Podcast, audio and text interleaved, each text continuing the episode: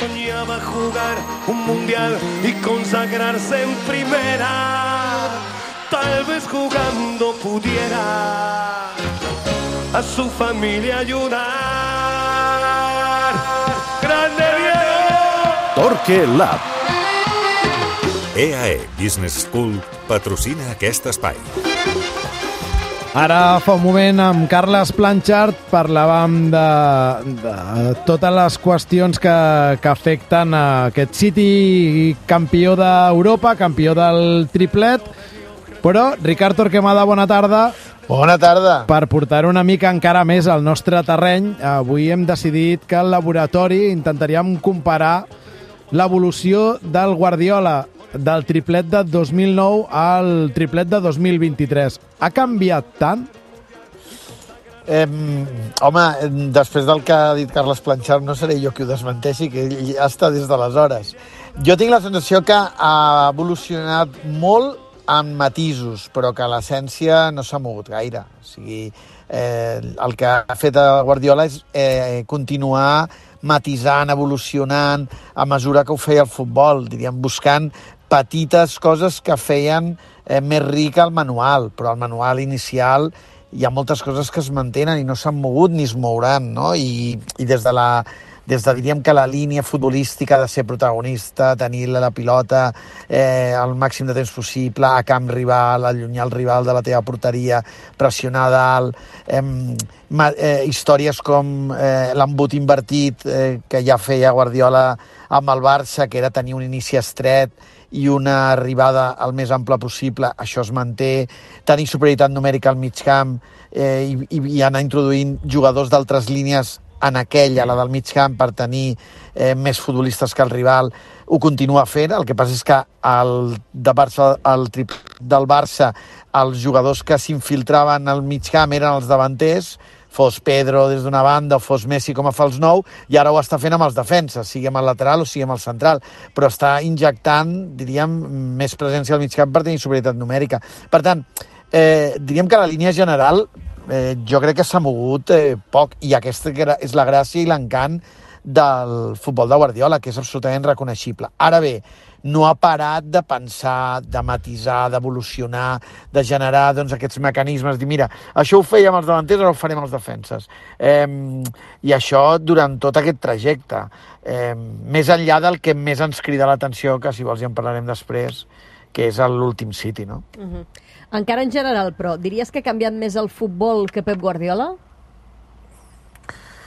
Jo, jo diria que mm, Guardiola ha canviat coses que han canviat el futbol. O sigui, jo, jo, jo no estic tan... O sigui, jo crec que el futbol es mou per la iniciativa dels entrenadors en transformar-lo, canviar-lo, modificar-lo, evolucionar-lo. És a dir, si els entrenadors fessin el mateix que fa 20 anys, no s'hauria mogut res. Uh -huh. Eh, per tant, són, són els entrenadors, per mi, els que generen eh, eh, amb, la, amb el suport incondicional de la millora física, tècnico-tàctica dels futbolistes, eh, el joc eh, el fan més complex, el fan més ric, i aleshores tot això eh, obliga els entrenadors a, a, a mantenir, diríem, eh, la transformació del futbol. Però qui mou el futbol? El mouen els actors. Eh, el futbol no es mou sol. Eh, i Guardiola és probablement l'entrenador que més sacseja el futbol, perquè no deixa de, de donar voltes a la idea del joc, a com fer les coses diferents a com les feia. Eh, per tant, jo crec que Guardiola és eh, una peça indispensable eh, per al creixement que ha fet el futbol, perquè a més l'èxit mimetitza eh, i quan una cosa funciona a tothom li agrada. Ja sabeu aquella no? aquell article, no, ara no recordo de quin escriptor argentí que, havia, que Guardiola havia fet tan mal al futbol perquè tothom volia fer el que feia el Barça de Guardiola, no? Però tu ara vas a qualsevol camp de futbol base i veus coses que si el futbol no s'hagués mogut per dalt, no es mouria per baix. Eh, tothom copia i imita els models de referència i Guardiola ha estat durant aquests 14 anys referent. Clar, eh, ara estem molt, molt captivats, parlo per mi, per el que ha fet Guardiola, per exemple, amb el rol de, de Stones, que nominalment és un, mig, un, mig, un central, però que ha acabat jugant a vegades de lateral, a vegades eh, darrerament de, com a segon mig centre, Però clar, si viatges enrere, eh, Guardiola ja va fer ja va fer invents amb, amb, amb Kimmich, eh, Sí, l'AM... amb l'AM i prèviament al Barça, clar, ara ens queda molt lluny, però també va fer l'invent de, del fals nou amb, amb Messi, que ja sé que no era seu, Sí. però en aquell moment va ser també un, un gran sacseig. Vull dir que, que, que tinc la impressió que, que ell va buscant l'avantatge pel terreny de joc i és igual quina peça hagi de moure. Vaja, dit d'una altra manera, que, que és poc integrista del, del futbol de posició, en el fons. Eh,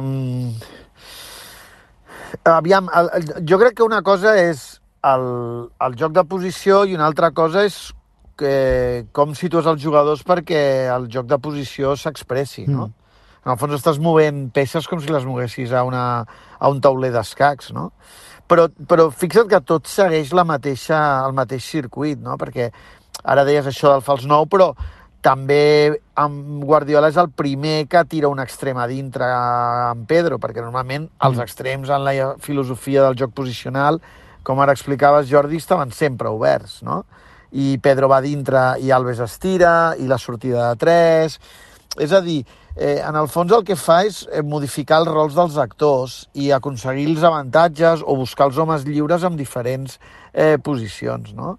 Eh, perquè, com dius, el que ha fet Stones ara com a mig centre o gairebé com a interior el dia de la final, doncs el que feia era doncs, treure un jugador de la línia defensiva per posar-ne un més al mig camp, com explicàvem abans. Abans treia un jugador del davant per posar-lo al mig camp. I ell va movent, va movent. I abans eh, havia jugat amb Maxwell d'extrema esquerra al Bernabéu, que era un lateral jugant d'extrem, eh, i hi ha dies que Walker és lateral, hi ha dies que Walker és defensa eh, de la línia de 3, però el que jo crec que quan dic que no, que, que no, no s'ha mogut en l'essència és que eh, Guardiola vol tenir sempre un jugador més que el rival en la, a la defensa i al mig camp, sempre. I aquí és on busca les diferents combinacions depenent de, de com juga el rival. Perquè la línia del davant no necessita tenir superioritat numèrica, perquè el que necessita és eh, moviments en profunditat, ben coordinats amb el jugador passador i per, i per, per alimentar el receptor. Eh, però al mig camp i a la defensa per tenir un jugador més per poder tenir sortida, superioritat, domini, control. Jo crec que on més hem vist la millora, perquè és on jo crec que ell havia d'educar-se més, és amb la part defensiva o en la part de la pressió, de com defensar transicions, com dius això de l'Ami Kimmich, també influïa molt tenir un eh, defensa més a la zona central, que era per on podia fer mal la transició, eh, les diferents, els diferents tipus de pressió eh, que, que l'hem vist eh, els últims anys amb el City, eh, la idea d'ajuntar quatre centrals aquesta temporada per intentar guanyar duels, eh, ser més intens en, en, en les emergències, perquè eh, el City sempre estava exposat. Algunes, alguns espais de defensa, diríem, posicional, aquesta temporada sobretot, eh, quan el City mai havia, eh, mai havia acceptat això i sempre havia volgut des de la possessió, des de la des de la pilota i sempre havia quedat fins i tot desprotegit i ara, ara ha interpretat algunes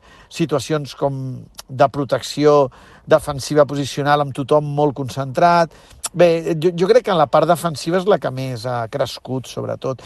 I la part ofensiva el que ha fet és doncs, continuar girant, diríem, el model i donar-li voltes, però al mateix, per mi. O, vaja, gairebé, gairebé el mateix. Sempre, sempre hi haurà coses noves, clar. Doncs, eh, segons el Torquelab, el Guardiola no s'ha bellugat gaire de, d'allà on era, però ha anat girant fins a arribar al mateix punt. Triplet al 2009, triplet al 2023. Ricard, gràcies. Adeus.